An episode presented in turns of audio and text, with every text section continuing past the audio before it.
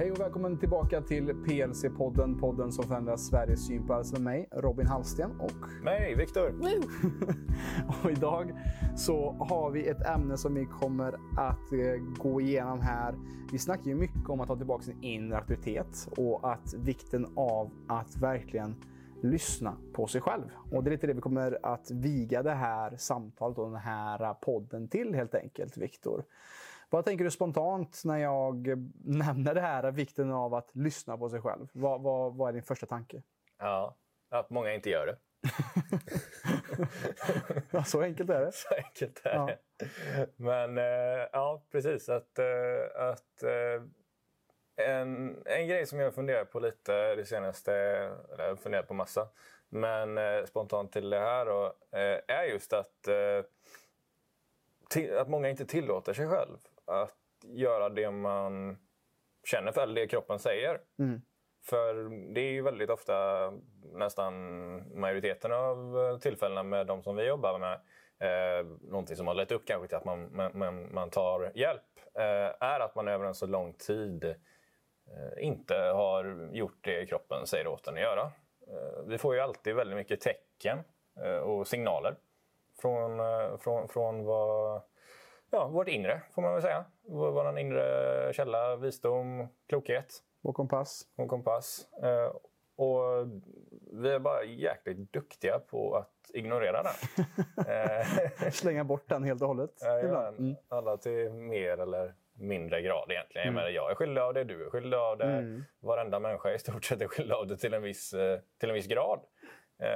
Men hälsa, i min erfarenhet, kommer mer till de som är duktiga på att lyssna och ta in mm. det som kroppen säger. Och ohälsa kommer i den mån att man eh, inte lyssnar mm. på det här över en längre tid.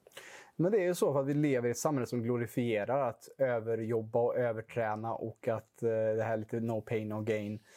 Det, det är ju väldigt levande i vår kultur också. Men det ser man också på att det finns många som kan lyckas på en kort period i sitt liv, men sen brinna ut. Mm. Men det ser man också på till exempel som många av våra inspirationskällor här. Jag vet också Jonas inspirationskälla Tony Robbins som hållit på i 40 år med personlig utveckling. Att han har sett folk komma och gå i den här industrin också när det kommer till personlig utveckling, den biten.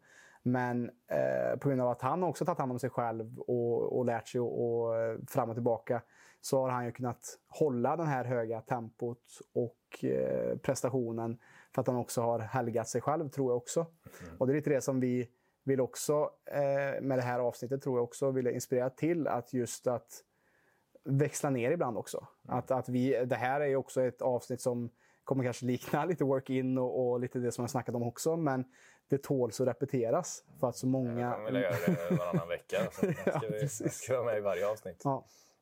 Så just att vikten av att lyssna på sig själv för att, som vi också i många avsnitt har inne på, just att vi får ständigt signaler. Mm. Och eh, varför de flesta är hos oss, så att säga 90% av 95% av de som är hos oss är på grund av eh, utbrändhet eller stress av någon form. Att det är därför de är hos oss. Mm. Man vill ha mer energi, mm. ofta. Man vill ha mm. mer energi Ofta man vill gå ner i vikt. De här sakerna mm. hänger i stort sett alltid ihop. Mm. Det, det, det, är en grej som, eh, som får väl höra nästan mer än någonting annat eh, eh, från personer som är på den här resan och fortfarande kanske i första halvan, mm. vill jag säga. Det behöver inte vara tidsmässigt, även om våra upplägg generellt sett sträcker sig över en viss tid. Eh, jag ser det som att ena halvan av resan med PC är innan poletten trillat ner eh, och tills dess att, eh, att vi kommer dit där vi som, ja, kallar för det här den, den brytpunkten. Mm. Och andra halvan är då efter när man har fattat vad det handlar om. Mm. Och uh, insett det som vi försöker tjata om dag ut dag in i varenda podd, livestream eller uh, samtal som jag gör, eller som vi gör, om hur kroppen funkar som en helhet. Och man kan ha kommit en bra bit eh, just med, med att man satte igång med oss och, och började känna de här signalerna, med positiva signaler som är det, som, ja, är det vi ska hålla utkik efter i kroppen i vår hälsoresa. Hur, hur känner jag mig i energiväg. Alltså har jag mer energi nu? Hur, hur är min mentala attityd? Är jag optimistisk? Är jag glad? Känner jag mer harmoni inombords? Eh, ja, hur, hur, känner jag mig rent allmänt, rent fysiskt i kroppen? Alltså har jag, har jag värk? Hur är mina inflammationsnivåer? Liksom? Eh, hur mår magen? Hur kommunicerar den med mig efter måltider och under dagen? Och allt det här som jag har beskrivit kan ha gått åt rätt håll mm. efter någon månad eller några veckor. Eh, och för vissa så, så räcker det för att man fattar ah, gött, det var ju det här jag var ute efter. Nu, nu fortsätter vi. Bra, då har du kommit halvvägs. Men eh, sen är det många som säger det här också. Då, för, för det här är väldigt, väldigt... Eh, mm, ja, jag kan inte dela upp det inom 50-50 procent, utan för det jag vet inte hur mycket det här är. Eh, för alla är så unika och individuella rent fysiologiskt beroende på sin historik och var man befinner sig nu. Eh, om vi drar det här till vikt också. För många söker ju sig till oss, inte bara av energin, utan man vill gå ner i vikt med. Mm. Och eh, man kan ha fått alla de här tecknen som jag sa, eh, går åt rätt håll med, med allt det som vi förespråkar här. Men så kommer man där efter någon månad, eller sex veckor eller sju veckor Eh, för det här med tidigare saker som man har gjort man svält sig själv och eh, eh, ja, börjat träna som en idiot. Quick fixes. Och, och quick fixes va? Eh, så har man redan gått ner massa kilo. Eh, och vissa som sätter igång med de grejerna som vi gör, de går ner med en gång. Andra gör inte det. Och det ska vara helt okej. Okay. Eller det, det, är det som är grejen. Alla de här andra sakerna har gått åt rätt håll. Och man mår jättebra inombords mm. om man jämför med sex veckor sedan. Men man ifrågasätter. Mm. Vad, vad, vad, vikten kommer ju inte här Viktor. Nu... Jag behöver hjälp. Ja, amen. Även om de, de brukar ta det lite försiktigare. eh, utan det brukar vara så här. Ja, jag mår mycket bättre. Jag sover bättre. Jag har mer energi. Jag känner mig mer optimistisk. Jag mår bättre i kroppen och mindre värk. Men jag vill gå ner i vikt också. Mm. Ba, ja, precis. Du har varit med i sex veckor mm. än så länge. Mm. Du har hållit på med det här i typ 20 års tid, fram och tillbaka. Eh, vi får tillåta oss själva att det kanske kan ta lite mer än sex veckor mm. för, att, eh, för att vikten ska komma ikapp också. Det kommer det göra. Men det är inte så att vikten är någon magisk grej liksom, som vi bara hade tagit bort. Eh, eh vi säger någon som vill gå ner 20 kilo. Om vi bara tar bort 20 kilo från dig nu eh, och eh, gett dig mer energi då, men, men att vi inte ändrar på någonting. I grund, grundläggande faktorerna här. Va? Var tror vi vi hade befunnit oss om ett år? Mm. Hade kroppen magiskt bara... Jaha, nej men nu funkar jag. För de, det var de här 20 extra kilona som kom från ingenstans. eh, eh, och, och, nu är allt frid och fröjd. Liksom. Nu, nu, nu, nu är det lugnt. Liksom. Nej, det var ju de grundläggande faktorerna som ledde till de här extra kilona och till att energin har varit jättelåg över en längre tid. Eh, vilket ofta är att man återigen inte lyssnar på sig själv. Precis, man kanske sover inte bra, man dricker inte vatten nog, man, eh, man andas inte på rätt sätt. Ja, jag, vill, och jag, jag vill påstå att det kan vara så enkelt som att eh, när du är trött så tillåter man inte sig själv att vila. Mm. När du är hungrig så äter du inte. Mm. Eller att man äter när man inte är hungrig. Mm. Det, det, det, är just att ja, det, det, är de här väldigt grundläggande sakerna. Mm. När du är hungrig, ät. När du är trött, vila. Men eh, att det kanske går emot lite vad man, vad man har för uh, idéer kring mm. vad man borde göra eller inte göra. Och inte som sagt och lyssnar utom sig eller baserar sina uh, val utifrån sig själv mm. och, och, inte inifrån. Och Det var det lite som vi ville komma in på här idag. Just varför det är så. Mm. Och, och, vad vi kan göra åt det. Eller vad, vad, vi brukar stötta och coacha folk till att göra och som vi försöker göra själva också såklart. ja. eh, vi, vi, kan väl ta det, vi kan väl ta det på det personliga planet först tänker jag. Mm. Vad, från allt det här som vi sagt, är det någonting som du reagerar på just för dig personligen som du tror att du kan förbättra? Eller vad, vad jobbar du på just nu? Vad känner du Robin, hälsocoach? Mm. Eh, att du kanske inte hedrar de här principerna alltid. Är det något särskilt område som du känner att uh, i nuläget? För det här är ju något som går i cykler mm, mm. såklart. Nej, men jag har väl, vad jag tänker på mycket nu är, är, min träning faktiskt just nu. Att jag märker att jag har lite, lite krämpor liksom i, i, lite i axlar och lite, lite gammal, gammal stagnerad muskler. Eh, så att, eh, och det finns en del av mig som bara vill pusha på. Eh, och också, jag har ju Eh, Eh, för er som har lyssnat på alla poddar så vet ni att jag också på med ultralöpning.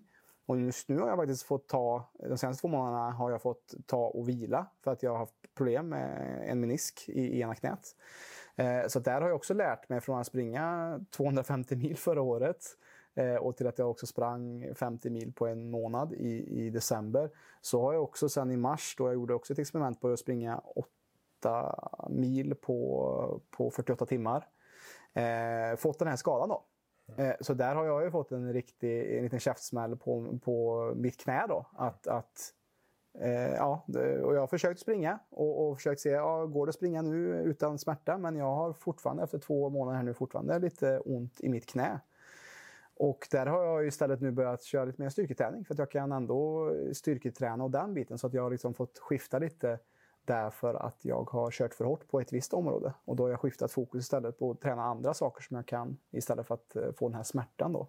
Mm. Så det är väl någonting som för min del är att... Men att du inte lyssnade där då, um, på, på kanske att du pushade lite för hårt så att man hade en egobild av att man ville åstadkomma något särskilt och springa det här mycket. Vilket... Absolut, ja. absolut, det tror jag absolut. Alltså, en av mina förebilder är David Goggins, eh, en, en amerikansk ultralöpare. Han har gjort det här i så många år. Att hans kropp är väldigt härdad och så är det lätt att man bara tänker att ja, jag ska bli som han eller jag ska göra som han.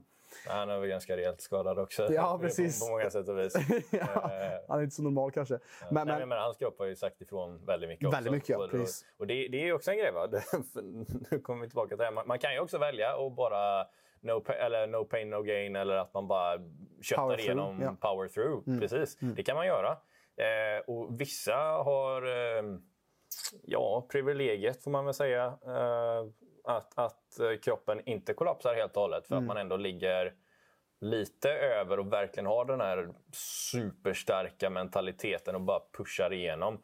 Vilket mm. jag tror leder till många andra inre demoner, eller som kanske styrs av inre, inre demoner från första början. Att man, man klarar av att verkligen mm. Eh, ja, pusha på något sånt. Eh, eller att man har blivit så stark från historiskt trauma. Man ser många missbrukare till exempel inom ultralöpning vet jag. Ja, det är triathlon också. Och triathlon mm. också, precis. Att man, att man verkligen ja, man kämpar mot sig själv. Och Det går ju lite emot vad vi pratade mm. om med Anders eh, mm. i vår föregående podd här. Med att vi vill ju kanske, i den mån att vi är ute efter hälsa, eh, som sagt, det, det, finns det finns tillfällen när mm. det, det här är rätt mentalitet. Mm. Men det finns också tillfällen som man kanske skulle må bättre av att eh, istället acceptera och lyssna. Precis, och för det är det som med, med min upplevelse också med detta då, det är ju också att, att jag har jag vill ju vara lite i ytterligheterna för att känna efter vart ligger min balans. Och jag ser också att en av mina största motton i livet är också liv bör utanför din komfortzon. Och här, för att växa i vår komfortzon måste vi gå utanför komfortzonen. Så att det är liksom det som jag också gjort med ultralöpningen. Sen så, men också har det funnits en egobild att vilja uppnå de här 160 kilometerna, 100 miles. Det här är drömgränsen för många ultralöpare eh, i detta året. Då. Men jag har ju liksom fått backa från det här målet lite och säga att det kanske inte är så rimligt att sikta på det just nu. För att jag måste ta hand om mig själv. Mm. Eh, men samtidigt är det viktigt att ha någon som driver en framåt. Mm. Eh, och ha en utmaning också. För att annars, för det är det som också, när man sätter ett mål som är väldigt utomjordiskt så är det också så här, det kan kännas eh, som ett Mount Everest men samtidigt så är det någonting att sträva mot, eh, en, en polstjärna eller nord, nordstjärna att gå mot då helt enkelt. Men det är det som jag också får lära mig för att jag är ju typ den i PLC som jobbar mest med just eh, work-in med meditation, yoga, qigong. Och så samtidigt kanske den som gör de mest extrema sakerna när det kommer till att sätta min kropp under fysisk eh, press också. Mm. Ja, det är ju det. Om du, om du vill leka elitatlet så måste du ha båda delarna av mm. det. För elitatleter sover också typ 10-11 timmar om dygnet. Mm. mm. Och, och, gör väldigt mycket återhämtning. Mm, precis. Det, det är många som glömmer det. Mm. Att, eh, för, ja, och där har du också en sak, din kropp kommer alltid berätta för dig vart du befinner dig och vad du mm. borde göra. Mm. Men som sagt, för att man kanske har en stark egobild om någonting då. Eh, I och med att det för en ur balans. Nu är ju du i balans, du är ju inte utbränd. Mm. Så uppenbarligen har ju du lyckats hålla dig i balans här. För ja, ditt knä gjorde jävligt ont. Du kände okej, okay, nu är det en bra mm. idé att inte springa på knät. Liksom, göra ja, någonting precis. annat. Men samma där, att det, det, det, det, är en liten smärta. Jag kan fortfarande springa på det. Mm. Och, och, där har du också så lite det här med egot. Att jag hade ju kunnat, ja men jag har satt det målet att springa 4-5 mil i veckan. Jag hade kunnat power through eller mm. fortsätta på även fast jag haft lite problem. Kanske ja, men jag tar lite Voltaren eller jag börjar äta lite mm. paracetamol för att dämpa inflammationen här. Det. det. hade jag kunnat göra. Mm. För att Eh, inte vilja lyssna. Som vi snackar om just det här med den här fjärden som vi snackar om. Eller, eller tegelstenen som man kan få som, eh, som en brev på posten då, om man inte lyssnar på signalerna. Så här fick jag ju en tydlig signal och det är samma här. Att med värktabletter eller någonting sånt. Att, att det här är lite som eh, kroppens egna sätt, egna brandlarm. Att här har vi en eld som vi måste släcka. Och genom att ta någonting, kanske någonting som, alltså till som många också gör när det kommer till, alltså inte kommer, när det kommer till fysiska kanske man vill ha mer energi. Mm. Man kanske kaffe, energidryck eller man, man lever på ångorna, man lever på adrenalinet och man, man tillåter sig alltid ta det lugnt. Och, och, det är lite som att man tar bort då den här brandvarnaren, man kastar bort den. Ja, det brinner här men det, det, jag har 12 eh, timmars arbete att göra. Det, jag har ingen tid att vänta på det här.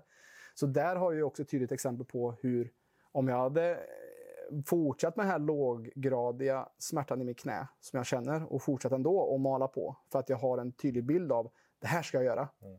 Men det är ju som i livet att det oftast gör oss ödmjuka inför de sakerna när man har ett tydligt mål också. Att ibland så kastas vi bort från det.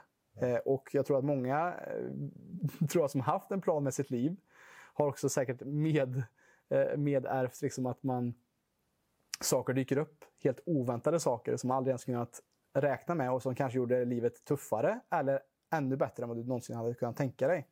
Så det är det jag också försöker att också kapitulera till livet mer. Eh, att, att, inte att man ger upp, för kapitulera kan vara väldigt stort för många. Att säga, Åh, vadå ge upp eller kapitulera? Men, men alltså låta livet levas genom dig istället för att du ska pusha dig igenom och ta slut på energi och bränna ut det helt enkelt. Så det är också lite filosof filosofiskt. Och, och där har jag precis lyssnat på en bok av Mickey Singer som heter just The Surrender Experiment som är otroligt intressant. Hur han bara kapitulerade till, till livet. När, när, när det var saker som var jobbigt, som han så kände att det var resistans eller han fick ångest emot, så sa han ja till det istället för att springa ifrån det. Mm. Och, och, och, såg vad, vad livet hade för större gåvor bakom den här obekväma känslan som man stöter på ibland. Mm. Men jag tycker det är väldigt intressant den liknelsen som du gav där med eh, ja, att, att knät gör ont. Ja, men då, är det dumma knä. Det, det, det, är väl något fel på det. Ja, det är något fel på det. Det, det, det vill jag inte känna. Det var inte bra. Eh, trots att jag hade sprungit eh, ja, 8, mil på, 8 mil på 48 timmar. 48 timmar.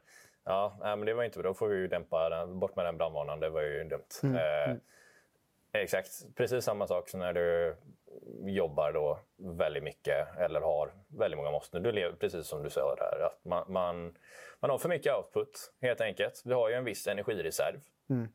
Och när den är slut, ja då kommer kroppen säga till det att vi, vi, nu är jag trött. Det, det, var det jag hade. Eh, och då har vi möjlighet att pusha igenom. Vi människor är fantastiska på att adaptera oss till stress mm. och till, till olika påfrestningar.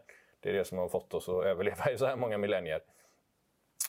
Problemet är ju då om vi bara fortsätter och fortsätter och fortsätter och använder kaffe till exempel då, eller om det är te eller om det är något annat som mm. om det är socker eller om det är ja, vad det än må vara som hjälper oss att uppnå en högre form av prestation. Mm. Eh, vad nu den prestationen innebär för dig. Men att man gör det och anser att det här är mitt nya normala. Mitt normala operationsmanual det är att jag kan vara att jag går upp klockan fem och att jag köttar på mig jobbet redan innan frukost och sen så eh, får jag iväg ungarna till, till, till dagis och så jobbar på och tar inga pauser. Mm. Eh, käkar lunchen samtidigt som, som jag jobbar framför datorn och mer möten och mer möten. Och sen kommer hem och så ska man göra massa grejer också. Åka på eh, träning och man ska göra det här och det andra. Lyfta tungt. Och, och all, allt möjligt. Mm. Och tänker ja, men det, det, här har jag ju klarat i jättemånga år. Mm. Eh, och nu helt plötsligt så är jag utbränd. Jag fattar inte varför. Det, kroppen bara slutar funka. Det är något fel. Det är, det är min sköldkörtels fel. Mm. Så, ja, det, vad som hände? Jo, nej, men det slutar, min sköldkörtel slutade funka. Det var fel på den. Så, mm. så, så nu orkar jag inte mer. Så det är något fel på min sköldkörtel. Fixa min sköldkörtel. Mm. Eh, ja, det, det, det, kan man ju säga att det var sköldkörtelns fel. Eh, eller så kan man säga att det var någonting som ledde till det där. Mm. Som kanske inte var överdrivet hållbart. Mm. Och på grund av att vi hade så mycket artificiella stimulanser eller saker som gjorde att vi presterade utanför våran ja, egentliga energi. Alltså yeah. vi, vi, levde på energi, eller vi levde på kredit. Mm. Eh, ja, det kan man bara göra. Du kan bara ta ett lån även en viss tid utan att betala tillbaka det. Mm. För förr eller senare då kommer man få ett brev där från banken som säger du, jag, jag har lånat ut en jävla massa pengar till dig. Nu, kommer Kronofogden. Ja, nej, men nu börjar det bli dags att betala tillbaka. Mm. Och du bara, ja, nej, men här är ju brandvarnaren då. Eller det var brevet som kommer. Bara, Jaha, nej, men brev som säger att jag ska betala tillbaka. Jag kan ju lösa det här problemet genom att kasta brevet i, brasan. Liksom. Och låna mer pengar. Och låna mer pengar. eh, eller det kanske du inte får göra då. Då har du den energin. Men då fortsätter man där och så kommer nästa brev. Du, du är lite sen med den här betalningen. Bara, Jaha, men kolla ännu mer brasmaterial. Fan vad bra. Mm, mm. Eh, kastar in det. Ja, men förr eller senare så kommer de ju stänga av elen. Mm. Och eh, så kommer Kronofogden också då, som sagt. Mm. Och där liknelsen är ju då utbrändheten mm. förslagsvis. Eller, eller det kan vara något annat. Det kan vara sköldkörtelproblem.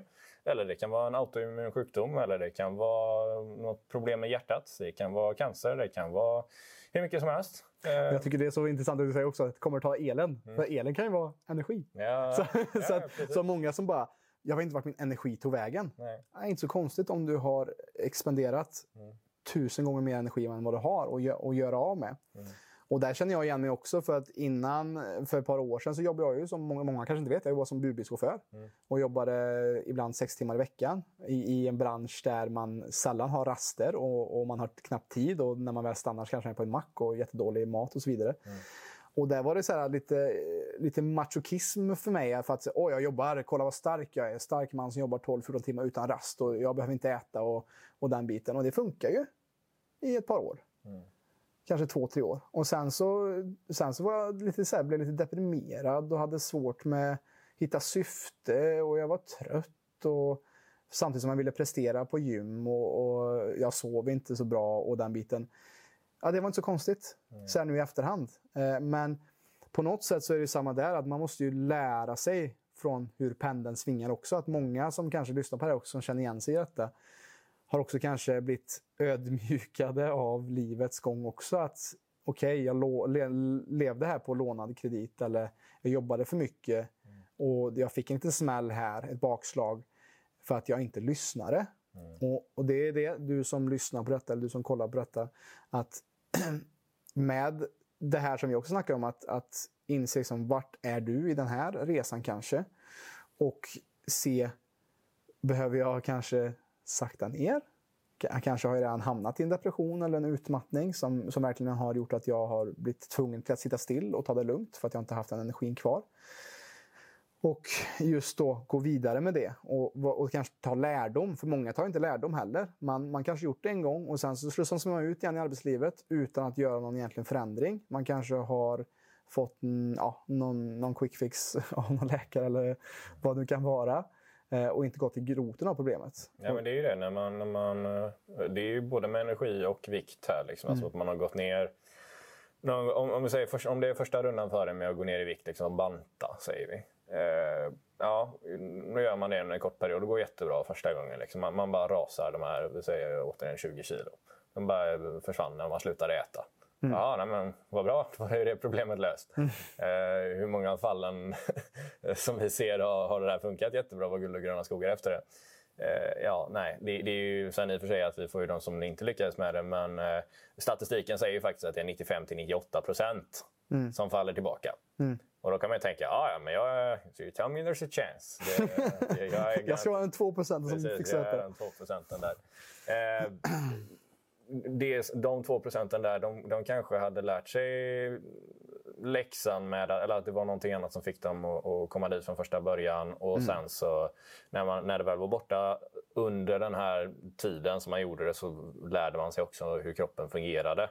Eh, vilket man inte gör genom att svälta sig själv för övrigt utan förhoppningsvis under den här tiden, de här återigen 2 till 5 procenten. Då, eh, insåg förmodligen att ah, just det, nej, nej, jag kommer inte kunna svälta mig själv en gång om året för att liksom mm. bibehålla den här vikten.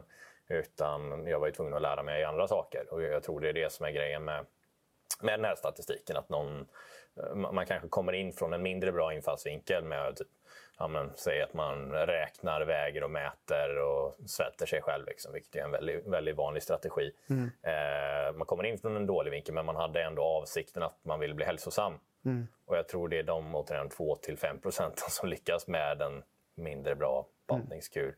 Mm. Eh, I och för sig så, så, tror jag faktiskt att den statistiken går in på folk som även gör en bättre typ av förändring. Mm. Um, så vet du vad, jag, jag, tror nästan alla som gör den här svältgrejen misslyckas. För mm. det funkar inte. Mm. Rent ut sagt. Uh, de andra två till fem misstänker jag faktiskt nu när jag säger det kommer nog från, kommer nog från folk som gör en bättre förändring. Mm. Uh, och, och, jag vill flika in där också, lite som du sa förut här, med, med att folk kommer oftast till oss Eh, och vill ha vår hjälp och coaching för att de går ner i vikt. Mm. Vad som är vanlig feedback som vi får efter att de har avslutat sin, sin coachperiod tre eller sex månader med oss, det är ju så att jag har inte gått ner så mycket i vikt som jag trodde, men jag insåg längs med resans gång att det inte var det viktigaste. Mm. För att man inser det som vi är lite inne på också, just att man ser att aha, det var helheten här som jag behövde jobba med. Och att det inte gick så fort som jag trodde. Eh, och det tycker jag är så, för, mig är ett väldigt bra facit, tycker jag, med de vi jobbar med. För att Eh, att eh, många stirrar sig så blinda också på om inte vågen rör på sig så är det inte värt det. Men, men kan du prata lite om det, liksom att, att just det som vi snackade om, det här med sex veckor och att... Mm. Det, det tar tid. Mm, det tar, ja, men, eh, det, någonting kommer hända, absolut. Man, på tre veckor så ska man se att, eh, eller känna att någonting gör skillnad om man gör någon, någon form av livsstilsförändring alltså med maten och, och, och med, med, ja, men att man tillåter sig själv och, och börjar lyssna på kroppen. Tre veckor, då, då, ska du känna att det börjar gå åt rätt håll med någonting. Mm. Vikten är en helt annan fråga. För mm. den, eh, den, det beror på vad våra hormoner och våra, vårt nervsystem har att säga till oss. Alltså vad, folk stillar sig blind på kalorier. Jag pratar om det här hur ofta som helst. Men det är inte kalorier som spelar roll. För det, det är så mycket faktorer som påverkar de kalorierna som du stoppar i dig. För bara för att det går in i ena änden innebär ju inte att det tas upp överhuvudtaget. För det, du stoppar in kalorierna i det här fallet då, eh, i ena änden av ett rör. Ett rör som går igenom hela kroppen. Och sen ja, är, det, är det en utgång i andra änden. Eh, det, det, är inte nödvändigtvis att det genom det röret kommer komma in i dig. Alltså, så länge det är i, i tarmen, alltså i magen, i tarmen eh, och ja, innan dess att du har absorberat det så är det faktiskt fortfarande utanför mm. din kropp. Det menar att du, bara för att du äter någonting så innebär det inte att du har absorberat det. Mm. För det som sagt, kommer gå igenom hela det här röret och som sagt ut i, ena änden, eller ut i andra änden, det som inte kroppen tog upp. Eh, och vad som kommer spela roll är ju då såklart hur mycket vi har absorberat. Och även vad vi har förbränt. Mm. Och det är, det är, inte bara vad vi äter och hur vi tränar som avgör det. Va? Utan det är vad vår kropp känner är en bra idé i nuläget. Mm. Det, det, det, det, kan ju vara så att, eh, ja, om man, som den vanligaste grejen är, att man äter betydligt mycket mindre kalorier än vad kroppen egentligen behöver.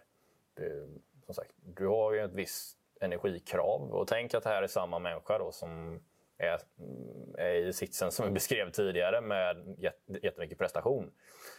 Som såklart kräver energi. Mm. Och sen så tar du och stryper din kropps energi. Alltså kalorier är ju ett mått på energi. Eh, du, du stryper det med hälften med vad du egentligen behöver. Ja, det, det, då tänker man ju i teorin att ja, men vad bra, då tar jag bara en energin då som finns lagrat i fettet. Mm. Eh, för att jag behöver exakt, jag kommer förbränna exakt samma, eller förbruka exakt samma mängd av energi. Men det är ju förutsatt att eh, kroppen är dum i huvudet. Och det är den ju inte. Utan om den känner att du har för lite bensin, till skillnad från en bil som kommer dra lika mycket oavsett. Eh, för, för den har en viss bränsleförbrukning med motorns kapacitet. Mm. Eh, även om vissa bilar då är lite smartare här, att man kan gå ner några cylindrar till exempel om man inte gasar lika mycket. Eh, så är det så som kroppen gör. Att den, den tar bort några cylindrar här. Va? Den förbrukar mindre energi. Den drar ner motorns energiförbrukning. För du har helt enkelt inte tillräckligt med energi och den prioriterar att du ska överleva. Den prioriterar att ditt hjärta ska slå och att, ja, att, lamp- att elektriciteten ska vara på helt enkelt. Mm. Eh, man kanske börjar stänga av värmen till vissa rum. Precis. Den, I, i, I det eh, metaforiska huset. Då, I kanske. det metaforiska huset, precis. Eh, värmeregleringen, precis. Där, ja. där har vi sköldkörteln. Mm. Återigen. Mm. Eh, underfunktion i sköldkörteln. Eh, väldigt, väldigt vanligt att det blir av det här. Eh, för du har helt enkelt inte med, tillräckligt med energi. Kroppen lägger det på andra saker som den prioriterar högre. Mm. För lägg till det här att kroppen är superstressad för att du befinner dig i den här sympatikumdelen, den här kamp eller flyktdelen av nervsystemet majoriteten av dagen. Delvis för att man hinkar i sig kopiösa mängder av en substans som får en dit, typ kaffe. Då. Eh, men också att man konstant ska göra, göra, prestera, prestera, ha den här pressen inom sig mm. eh, och inte tillåter sig själv vila. Mm. Eh, kanske svårt att säga nej också. Kanske svårt att säga nej. Och då, då, då är kroppen i den här ja, vad ska jag säga, rädda återigen kamp eller flyktdelen av nervsystemet. Och då, metaforiskt sett, tror kroppen att den springer från ett lejon. Mm. Och då, är ingen, då, då prioriterar den liksom inte att Eh, ja, då, då, tar den bort vissa saker från, från priolistan. Här, va? Precis, då, då är det svårt att absorbera kanske mat man då, äter. Då är det inte alls eh, mm. intressant att, att bryta ner det här i magen för vi springer från ett lejon. Mm. Eh, som sagt, när vi springer från ett lejon det är, onöd, det är dumt att slänga in en, en hjuling där. Liksom. Mm. Då ska du bara springa som fan. då, då får du energin till Du ska lägga energin på de viktigaste grejerna. Mm. Så, men om kroppen har energi, eller så sagt, för att fortsätta på den här metaforen. Eh, du, kroppen känner inte att det är en bra idé att, smälta maten nu och bränna fett för att som sagt vi har viktigare saker, vi springer från ett lejon. Eh, och jag har inte den energin som jag känner att jag behöver att den springer. Så då får jag uppenbarligen stänga ner som sagt den här värmefunktionen. Då. Den här minnesfunktionen eh, och kunna komma ihåg namn och, eh, och, och vart jag la mina nycklar och allt sånt där. Det, det skiter vi i nu. Liksom. Det är inte mm. intressant. Jag måste springa som fan här. Det, det, det är det som är det viktiga. Så den stänger vi av. Eh, och den här, eh, den här fettförbränningsfunktionen, eller den här metabolismen rättare sagt, hur snabbt, hur snabbt vår nedbrytning och absorbering av maten går. Mm. Eh, det, det, stänger vi ner, eller vi, vi, vi, vi skruvar ner den lite. Och den här värmeregleringen, den behöver vi inte just nu. Det gör kroppen för att den känner att den inte har energi till de här sakerna. Mm. Det är ju såklart fortfarande inte bra att befinna sig här, men om vi åtminstone har energi till det, då behöver kroppen inte prioritera så mycket. De kommer fortfarande prioritera eh, de viktigaste sakerna. Men har vi mer energipotential i form av mat här och kalorier, mm. eh, då kommer ju fortfarande kroppen åtminstone ha kvar elektriciteten i huset. Ja. Om vi säger. Precis. Eh, men ja, eh, säga ja och nej, den är väldigt intressant. För mm. det är ju så vi kommer, till, ja, kommer, kommer tillbaka till, till lösningen med allt det här. För nu har vi ju liksom filosoferat runt lite, lite allt möjligt här. Mm. Vad, vad, vad, skulle vi hälsocoacher säga att eh, man ska göra då om man känner igen sig i allt det här som vi säger? Mm. Eh, och vad är det som leder till det ofta? Eh, I min erfarenhet så är det att man eh, tar på sig för mycket och att man inte har utrymme till att göra det som kroppen känner. Eller att man känner att man, man är på ett ställe som... Nej, men jag, jag, jag är trött, men jag kan inte vila nu. Det, det funkar inte. Exakt. Okej, varför gör du inte det? Precis. Nej, men jag har det här och det här och det här och det här och det här. Och det här. Okej, okay, och varför har du det här och det här och det här och det här? Jo, för att jag sa ja till väldigt mycket grejer. Mm. Eh, och, och, det bara liksom landar i mitt knä. Alltså, om inte du har några gränser, då, då, då, är det ingen som kommer respektera dem, för du har inga gränser. Mm. Och Då kommer man bara kasta saker på dig. Och om du bara tar emot det, ja absolut, ja, det gör jag. Det gör jag. Och folk kommer tycka att det är skönt. Åh, Viktor säger alltid ja till det när jag säger att ja, men när jag har ett mycket bra, då kan jag lägga det på han istället. För han säger aldrig nej, så det är inget problem. Mm. Han tycker ju om att jobba.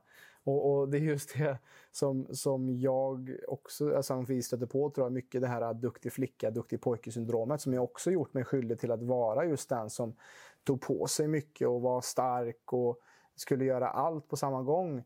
Men, och där var jag också nära att bränna ut mig för att eh, till slut fanns det ingen plats och tid kvar till mig själv. Mm. För att jag bortprioriterade mig själv och min egen tid för att tillfredsställa andras behov för att också det fanns, också här tror jag också viktigt, för det, det känner jag i alla fall igen vad, vad som var, var det brinnande punkt för mig. Det var inte just att eh, jag kanske ville göra allting som jag sa ja till. Men det var för att jag ville passa in eller jag ville uppnå status eller för att jag inte kände att jag var bra nog som den jag var. Mm. Och därför så sa jag ja till allting annat runt omkring mig för att visa, för att jag la värdet, mitt självvärde i vad jag presterade och inte bara i vem jag var. Mm. Och jag tror det är en av de största eh, skillnaderna som, som jag försöker leva efter idag är att jag är inte vad jag gör. Utan alltså jag inte, eh, mäter inte mig själv allt för mycket i det, det jag gör utan jag är bra som den jag är. Och det är någonting som jag stöter på mycket i de samtalen som vi har med klienter. Just det här att duktig flicka, duktig pojke, att man kanske har med det från barnsben också för att man ville imponera på sina föräldrar eller, eller vad det nu kan vara. Och har tagit med sig det beteendet som kanske eh, var bra en del i sitt liv men som i vuxen ålder kanske är mer destruktivt och tar slut på vår energi för att vi har inte lärt oss sätta gränser, tydliga gränser mellan ja och nej. För vet vi inte hur vi kan säga fullt nej till någonting så kan vi inte heller fullt säga ja till någonting. Säger du halvja till många saker så kommer det göra att du kommer vara ganska splittrad och inte kunna säga ett fullt ja till det du verkligen vill göra i livet. Det kommer inte ha tid till det för den delen. Absolut. Har, har du tagit bort det gång? Eller om du har sagt ja till så mycket. Ja, men när det väl kommer upp något som du verkligen vill göra. Ja, det skulle vara kul. Men nej, jag sa ja till det. Så jag är bokad tre veckor framåt. Ja, ja. Eh, det är där det kommer in med eh, en bok som eh, heter Hell Yes heter den bara. och den, den summerar väldigt bra att om det inte är ett hell yeah mm. på någonting då borde det oftast vara ett nej. Ja. Alltså, om du inte känner, alltså någon säger att ah, du, jag tänker göra det här, är du sugen på det? Ja, ja det kan jag väl. Mm. Om du säger ja till det och gångrar det med tio. Mm. Ja, när det väl kommer upp som sagt återigen det där som man verkligen vill göra. Så bara, ah, nej just det, jag har ju satt upp mig på det där och det där. Mm. kan man ju fortfarande rädda det genom att bryta det. Men det är många som inte känner att man, man kan göra det. Och, eh, det handlar om att hålla sitt schema relativt fritt till, mm. till att göra det som man verkligen mår bra av. Eh, och det är väl kanske den, den, största grejen som, som jag ser med varför man inte befinner sig i hälsa. är för att man inte har prioriterat saker som, gör en, som, som spelar in på sin hälsa. Mm. Att uh, man, man, märker vart, vad lägger du tid och pengar på i nuläget? Ja, det är det som du prioriterar och det är det förmodligen som man kommer få mer av. Mm. Om du vill vara hälsosam, ja då kan man inte göra samma sak som man gjort tidigare som inte ledde en till hälsa utan att döma det här. Även om man tror att det var jättebra eller inte bra. Uppenbarligen så var slutresultatet mm. inte det vi, vi önskade. Så hur gör vi om det här? Jo, vi, vi får helt enkelt börja verkligen lyssna på oss själva. Vad behöver kroppen? Vad vill kroppen? Vad mår jag bra av? Och ha tid och space till det. Mm. Och att vi verkligen måste prioritera våra sömntider till exempel. Då. Vår work-in-tid saker som du gör bara för att du mår bra av det och får energi av det. Mm. Gör du inte det, ja då är det inte det du kommer få. Det kommer inte komma från ingenstans, utan det kommer komma från vila. Mm. Det, det, finns ingenting som är lika kraftfullt som vila. Är du trött, vila. Ja. Det, det, man kan man tänka, men så enkelt kan det inte vara. Bara, jo, har du provat? De flesta svar kommer vara nej. Mm. Eller ja, nej, men jag vilade ett tag. Liksom. Ja, okay, men hur lång tid levde du på den här krediten eller den här mm. lånade energin? Liksom? Mm. Ja, förmodligen behöver vi kanske vila åtminstone hälften av den tiden. Och om det där var om, om det här var tio års tid som du gjorde det här, ja men då har vi lite att ta igen. Exakt, för vi jobbar ju ibland med folk som kanske levt på ett sånt här sätt som lånat kredit i 30 års tid kanske. Och så efter sex veckor, men det händer ju inget. Jag bara, sex veckor är en fis i rymden jämfört med ett hel, en, de här åren som du har levt på det här kanske mera destruktiva sättet. Och samma det här som Jonas mycket snackar om i sina föreläsningar, sånt där med dippar och sånt. Att många blir helt, kan bli helt crazy bara för att man har ätit en, smält en chokladkaka en dag under den här resan och bara nu är allt förstört och nu är allt, nu, nu är allt åt helvete. När det bara är objektivt en chokladkaka. Eh, och du kan börja om imorgon. Eller från det att du, eh, som också med det avsnittet vi hade med vår tidigare klient Selina också här för några veckor sedan. Just att jag kan välja att ja, men jag åt den här, men jag kan också välja att komma tillbaka till där jag exakt var innan chokladkakan. Mm. det är inte så att jag behöver tappa allt. Nej, det behöver inte bli ett nyårslöfte. Nej. Som sagt, nu, ja, nej, men nu, nu, nu sabbade jag det här i april. Liksom. Ja, mm. jag får vänta till nästa år igen. Mm. Så då, då, det blir mitt år. Precis, för det ser också att många är väldigt hårda mot sig själva så fort man gör något litet fel. Mm. Och det är lite så här, som, att, som det vi säger här också, när man säger ja till alla andra så är det också lite så här att så fort du säger ja hela tiden till andra det är lite som när, när man har också, när det är en, eh, vet om det är en flygkrasch om man är på gång och man sitter bredvid sitt barn så säger man alltid att man sätter på sig sin mask först innan man sätter på sig barnet. Och det är samma här, gör det hela tiden saker för andra eh, och nedprioriterar din egen eh, dröm eller prioritet eller din energi och inte tar tillbaka din egen kraft och säger nej till andra för att säga ja till dig själv. Så, så kommer du ju också, eh, om du hela tiden ska fixa andras problem, vem ska då fixa dina egna problem helt enkelt. Ja, då kanske man letar efter det hos någon annan och det är ingen bra relation. Nej, Om precis. man hela tiden precis. försöker låta andra fixa varandras problem. Liksom. Så att alltså just utgå från sig själv först. Och det kan låta så här, ja men var självisk eller något. Men samtidigt om inte du har energi till att ens hjälpa dig själv. Och ska du hjälpa tio andra personer. Eller som att om vi som håller på med, vi vill förändra Sveriges syn på hälsa. Om vi vill om vi ska förändra Sveriges syn på hälsa så måste vi förändra vår egen syn på hälsa först. Vi måste ta hand om våra egna grundprinciper först innan vi kan. För att, hur ska vi kunna förändra Sveriges syn på hälsa om vi inte har sovit rätt och, och ätit bra mat och druckit vatten och andats på ett rätt sätt och mediterat och ta Ja, hur, många, hur många hälsoexperter ser inte ut som fan? Mm. Alltså, hur många läkare, hur många dietister, hur många hälsovetare, Hälsominister också kanske? hälsoministrar. ja, nu I, I regeringar? Jajamän. Eh, Ser hälsosamma ut? ja, hur, hur ser de hälsosamma ut? Verkar de hälsosamma? Nej, oftast är svaret väldigt mycket nej. Och, och om någon ska prata med mig om hälsa som inte är hälsosam själv kan jag säga nej men det verkar inte funka så bra för dig. Så jag, jag tror nog inte att den där, eh, den där utbildningen du har eller det där certifikatet som säger att du kan det här, jag tror inte det betyder någonting. Eh, Eller åtminstone så verkar det inte funka så bra för dig, så hur ska du kunna lära mig någonting? Det, det är så otroligt viktigt att, att man faktiskt lyssnar på det. För det kommer vara så jäkla mycket kognitiv dissonans annars om, om man tar råd från någon som inte utstrålar det som den ska utbilda om. Det, vad, vad, fasen, vad tror du att du kommer lära dig liksom, av, av, av någon som eh, säger nej, men det, det här funkar skitbra. Liksom. Och så står man där med raka motsatsen till, till vad man försöker sälja. Va? Det, det, det funkar inte så bra. Eller det borde man verkligen reagera på, men det är många som inte gör det. Och eh, ja, det... det ja. Och det vi kommer nog tillbaka till det tror jag är just det här uh, vilan. Att hitta vart hittar vi, vart hittar vi energi? Var skapar vi energi? För att jag tror att många kan nog eh, identifiera vart jag försakar min energi. Många kan nog veta det, men vart hittar vi energi? Och en bra resurs när du lyssnar på den här podden, lyssna på avsnitt 12, Work In-podden. Den, eh, eller eh, avsnitt 12 av PLC-podden då.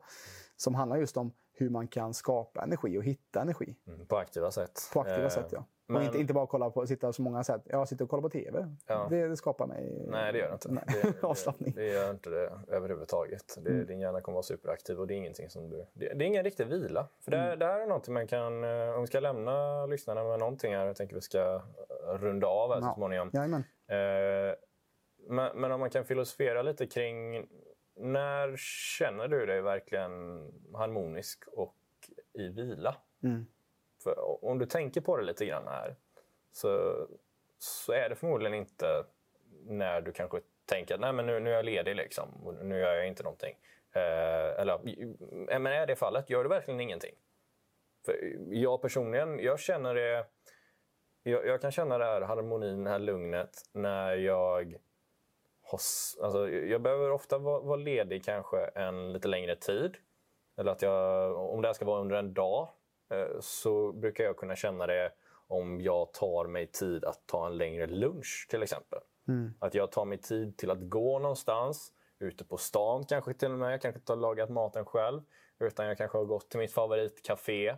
Eh, som för övrigt har ekologisk mat. Eh, och eh, har tagit mig tiden att gå dit. Satt mig ner, beställt någonting. Lugn och ro, käkar det här och bara är. Jag har ingen distraktion här. Jag har ingen... Jag, jag har ingen jag PLC-podd i örat. Nej, precis. Eh, eh, det, det kan vara ibland att man har eh, något intressant men vid de, vid de här tillfällena så har jag inte det. Utan då bara sitter jag där. Mm. Och jag käkar i lugn och ro. Och jag har ingen stress. Jag känner inte att jag har någonting att skynda mig till. Jag tar en kopp te efteråt och bara sitter lite grann. Mm. Kanske, kommer, kanske det sitter någon bredvid och, och bara pratar med någon. Hur länge sedan var det du som lyssnade här pratade med en främling? Men i dessa tider är det nog Ja, kanske det- länge sedan man ens träffade någon annan. Precis. Ja, men, men, men, det, det, men där har du en sån grej som, som kommer från att man inte gör någonting alls. Eh, och då, då känner jag mig väldigt närvarande, väldigt harmonisk. Eh, Likaså kan det vara om jag, om, om jag har eh, ja, men varit iväg någonstans och eh, samma sak där, inte har tankarna på andra ställen. jag tror det jag vill komma till är att när, är jag, när känner du dig närvarande? När känner du att du faktiskt verkligen vilar? Mm. För mig är det när jag är närvarande i nuet. Landa in helt enkelt. För, för jag tror något av det mest stressade tillståndet som vi är i är där man ofta befinner sig. Och Det är antingen i framtiden eller i dåtiden. Mm. Och Det är väldigt, väldigt sällan som man är närvarande. Mm. Och när man är närvarande, det spelar ingen roll vad man gör förutsatt att det inte är något som stressar upp en som fan. Då, uppenbarligen. Men är du närvarande i någonting som med, lugn, med låg puls då, då tror jag att jag har identifierat mitt ställe där jag känner mig i vila. Mm. Och det är de perioderna som vi vill öka. För menar, om, om det här som jag beskrev är för dig ja, en kvart om dagen i genomsnitt. Det kanske är lite obalanserat. Vi mm. vill öka det här så mycket som möjligt. För att säga det här till kroppen att Nej, men jag är lugn, jag är trygg. Ja. Och jag, jag, ja, jag, jag, jag, känner inte att det är ett lejon som jagar mig. Mm. Är det där vi befinner oss, ja då kommer också vår fysiologi svara på det. Mm.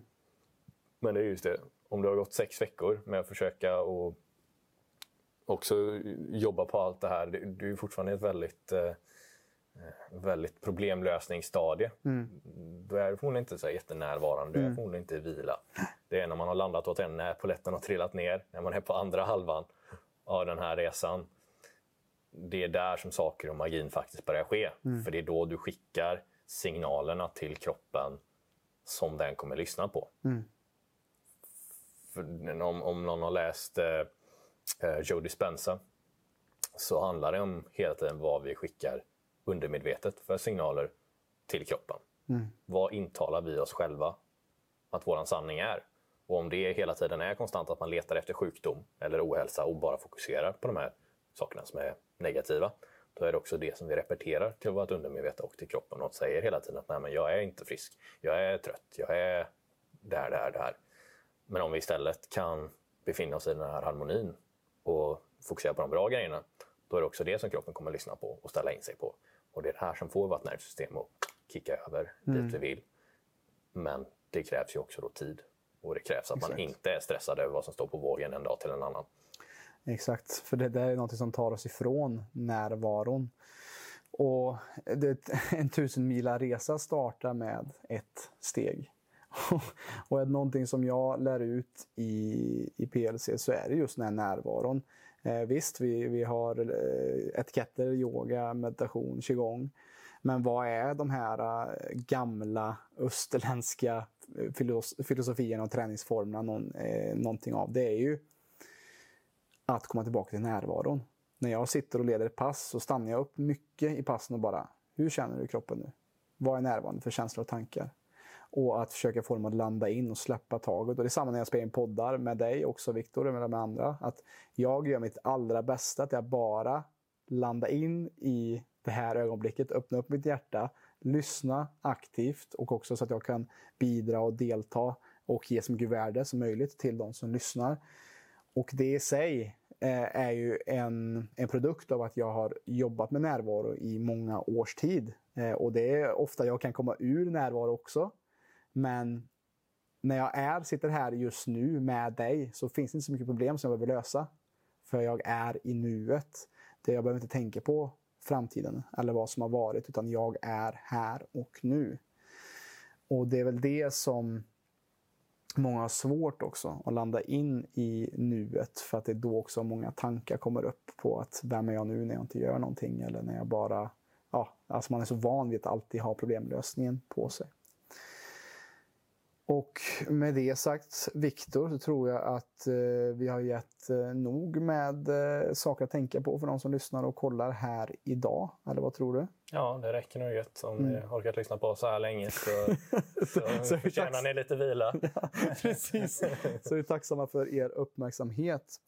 Och som jag alltid brukar säga i de här avsnitten Ehm, så eh, har det här avsnittet varit intressant för dig och att du känner att oj, det här skulle någon annan behöva höra och lyssna på också. Dela gärna med dig av det här avsnittet till några andra. Är det så också att eh, du kanske inte vet vad PLC är, kanske är ditt första avsnitt. Kolla gärna in vår hemsida www.plclub.se för mer information. Vi finns även på Facebook där vi ibland sänder faktiskt gratis föreläsningar. Eh, men oftast sker ju det bakom, eh, de, bakom eh, i vår Facebook, privata Facebookgrupp då, såklart. Då. Men vi finns också på Instagram och på Youtube som du kanske också ser den här podden på också faktiskt. Men som sagt, dela gärna med dig den här länken till någon nära eller kär så att vi sakta men säkert kan förändra Sveriges syn på hälsa. Så hoppas jag att vi ses och hörs snart igen. Tack för idag Viktor, för den här tiden av närvaro ihop. Adjö.